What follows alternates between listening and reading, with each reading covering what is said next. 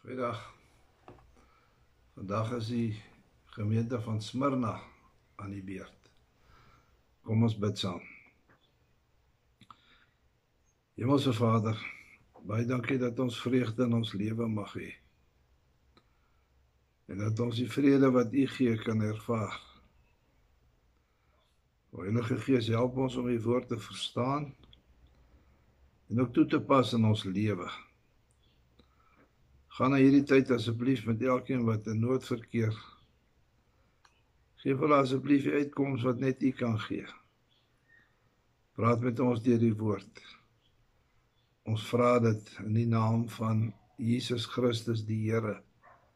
Amen. ons lees saam uit Openbaring 2 vanaf vers 8 tot 11. Skrywe aan die leraar van die gemeente in Smyrna. So sê die eerste en die laaste wat dood was en weer lewend geword het. Ek ken julle verdrukking en julle armoede en tog is julle ryk. Ek weet ook van die kwaadstokery van mense wat daarop aanspraak maak dat hulle Jode is en dit nie is nie. Maar tot die sinagoge van die Satan behoort. Moenie bang wees vir alles wat julle gaan ly nie. Kyk, die duiwel gaan party van julle in die tronk laat gooi sodat julle in beproewing sal kom. En julle sal 10 dae lank baie swaar kry. Bly getrou tot die dood toe en ek sal julle die lewe as kroon gee. Elkeen wat kan hoor, moet luister na wat die Gees vir die gemeente sê. Die wat die oorwinning behaal, sal beslis nie deur die tweede dood getref word nie. Hierdie is God se boodskap aan die gemeente van Smyrna. Dis 'n woord van troos aan gelowiges wat baie lyding verduur het en regtig baie swaar gekry het. Maar dis ook 'n woord van troos vir ons in die COVID tyd waarin ons ons bevind. Smyrna was 56 km van Efese af. Van die sewe gemeentes aan wie die briewe gerig was, is dit nog net Smyrna wat vandag bestaan. Net die naam van die gemeente het verander. Dit staan vandag bekend as Izmir en is geleë in Turkye van vandag. Dit is vandag 'n Oosters-ortodokse gemeente. In ironie is of nie die ironie nie, die werklikheid is dat Smyrna se lamp nie van hulle weggevat is nooit nie. En u sal uit die gedeeltes ook verstaan hoekom nie. In geldelike terme was die stad Smyrna 'n baie ryk stad. Dit was ook 'n baie mooi stad. Daar was baie voorspoed. Maar dit was 'n heidense stad. Daar's baie afgode aanbid. Onder andere vir Zeus en Hermes en Apollo en Dionysius. Die stad het sterk bande gehad met Rome. En daarom is die keiser ook daar aanbid. Die verbintenis met Rome het groot probleme veroorsaak vir die gelowiges al die mense in die Romeinse ryk wat nie aan 'n etniese groep behoort het nie is gedwing om die Romeinse keiser te aanbid. As jy nie die keiser aanbid het nie, is jy vervolg en kon jy doodgemaak word. Die Christene het uiteraard geweier want hulle het geweet daar's net een vir wie jy aanbid en dis die Here die opgestane Here Jesus Christus. As gevolg daarvan is die Christene op elke terrein van hulle lewe ondermyn. Dit was moeilik om 'n Christen te wees in Smyrna. Ons het so ietsie van regstellende aksie ervaar sal iets verstaan van dit waardeur Smyrna se gelowiges gegaan het. Verder het die Joodse gemeenskap wat 'n sterk gemeenskap is, die Romeinse owerheid teen die Christene opgesweep. So was die Jode mede verantwoordelik vir die marteldood van Polycarpus wat die biskop biskop van Smyrna was. Die geskiedenis wil dit hê dat die apostel Johannes vir Polycarpus onderrig gegee het in die Christelike geloof. En Irenaeus, een van die kerkvaders, het vir Polycarpus geken. As dit ek het reg verstaan, het Polycarpus 'n weergawe van as dit Irenaeus 'n weergawe van Polycarpus se gevangenisneming, sy hofsaak, sy skuldigbevindings en sy marteling by lede van die Polycarpus se gemeente ontvang en hy het dit op skrif gestel. Polycarpus is aangekla omdat hy 'n Christen was. Die prokonsul het hom aangemoedig om sy Christendom af te sweer deur Christus te vervloek. Maar Polycarpus het geantwoord: 86 jaar het ek hom gedien en het nooit iets verkeerds aan my gedoen nie. Hoe kan ek laster teen my koning wat my gered het? Daarom is Polycarpus gevonnis om op die brandstapel verbrand te word. Toe hulle die vuur van die brandstapel aan die brand gesteek het en die vuur al brand is Polycarpus doodgesteek met 'n spies in opdrag van die magistraat. Maar soos hy gelei het, het daar ander ook gelei. Vir baie van hulle moes dit baie beteken het dat die verhoogde Here aan hulle geteken is as die eerste en die laaste wat dood was en weer lewend geword het. Ons lees dat die vir die gelowiges in Smyrna gesê is in vers 9 deur die Here Ek ken julle verdrukking en julle armoede. En tog is julle ryk. Ek weet ook van die kwaadstekery stokery van mense wat daarop aanspraak maak dat hulle Jode is en dit nie is nie.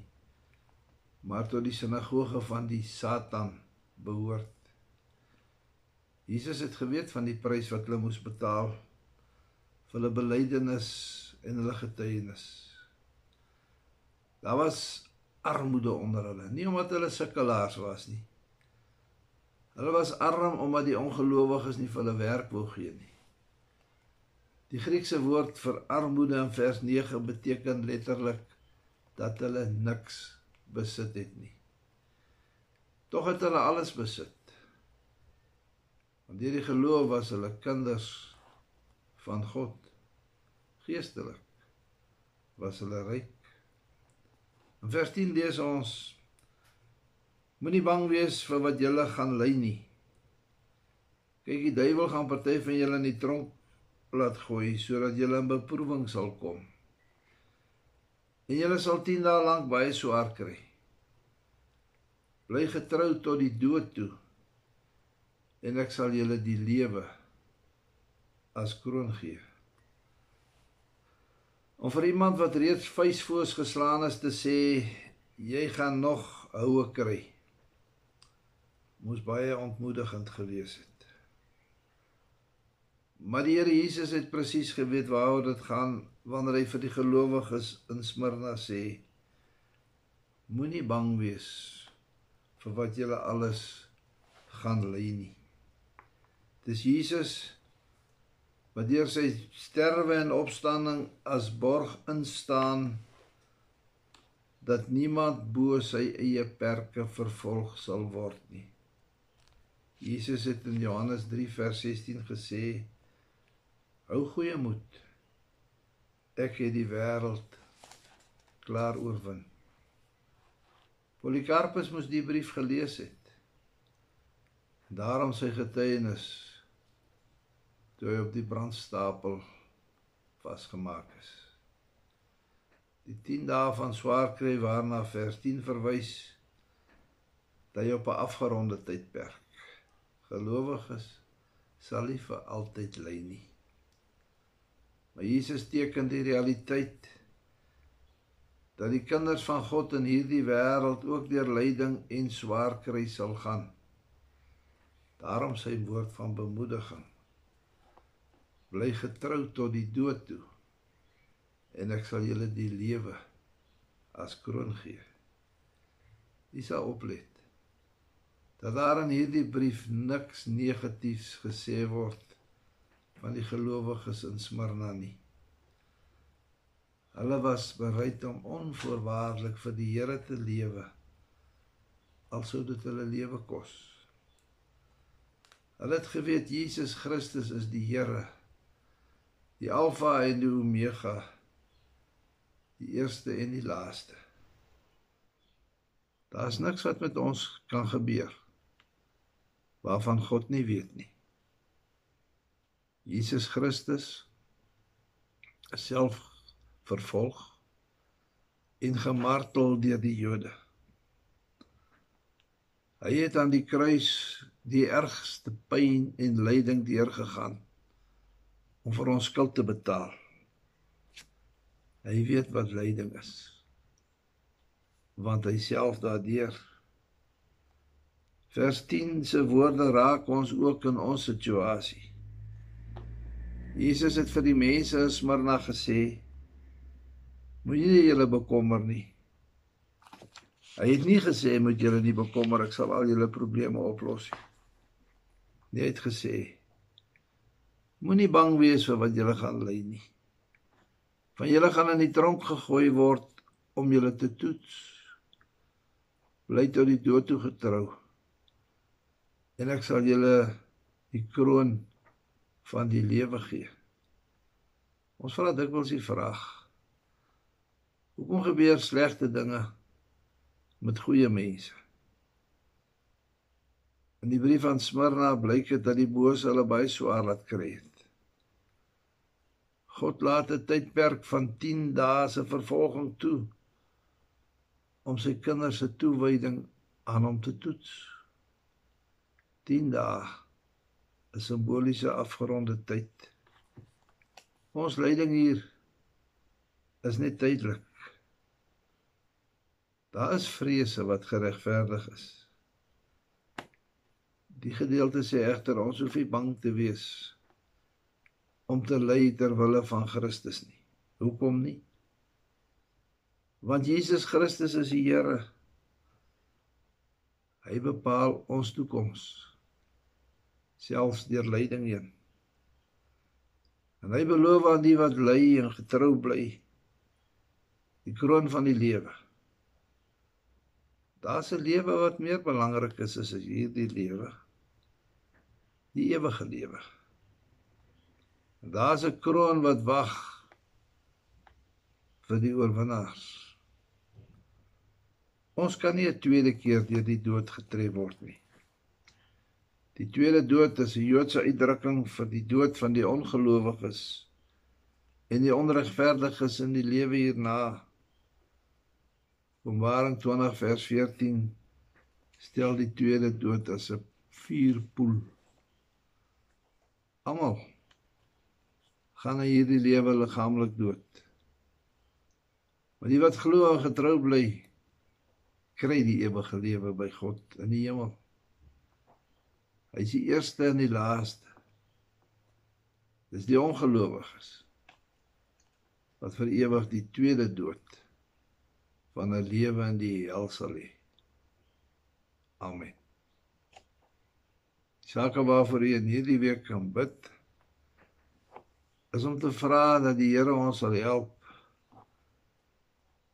dat ons aan hom getrou sal bly ook as ons deur lyding gaan. Dat ons vir hom dankie sal sê dat daar so baie is met wie dit goed gaan.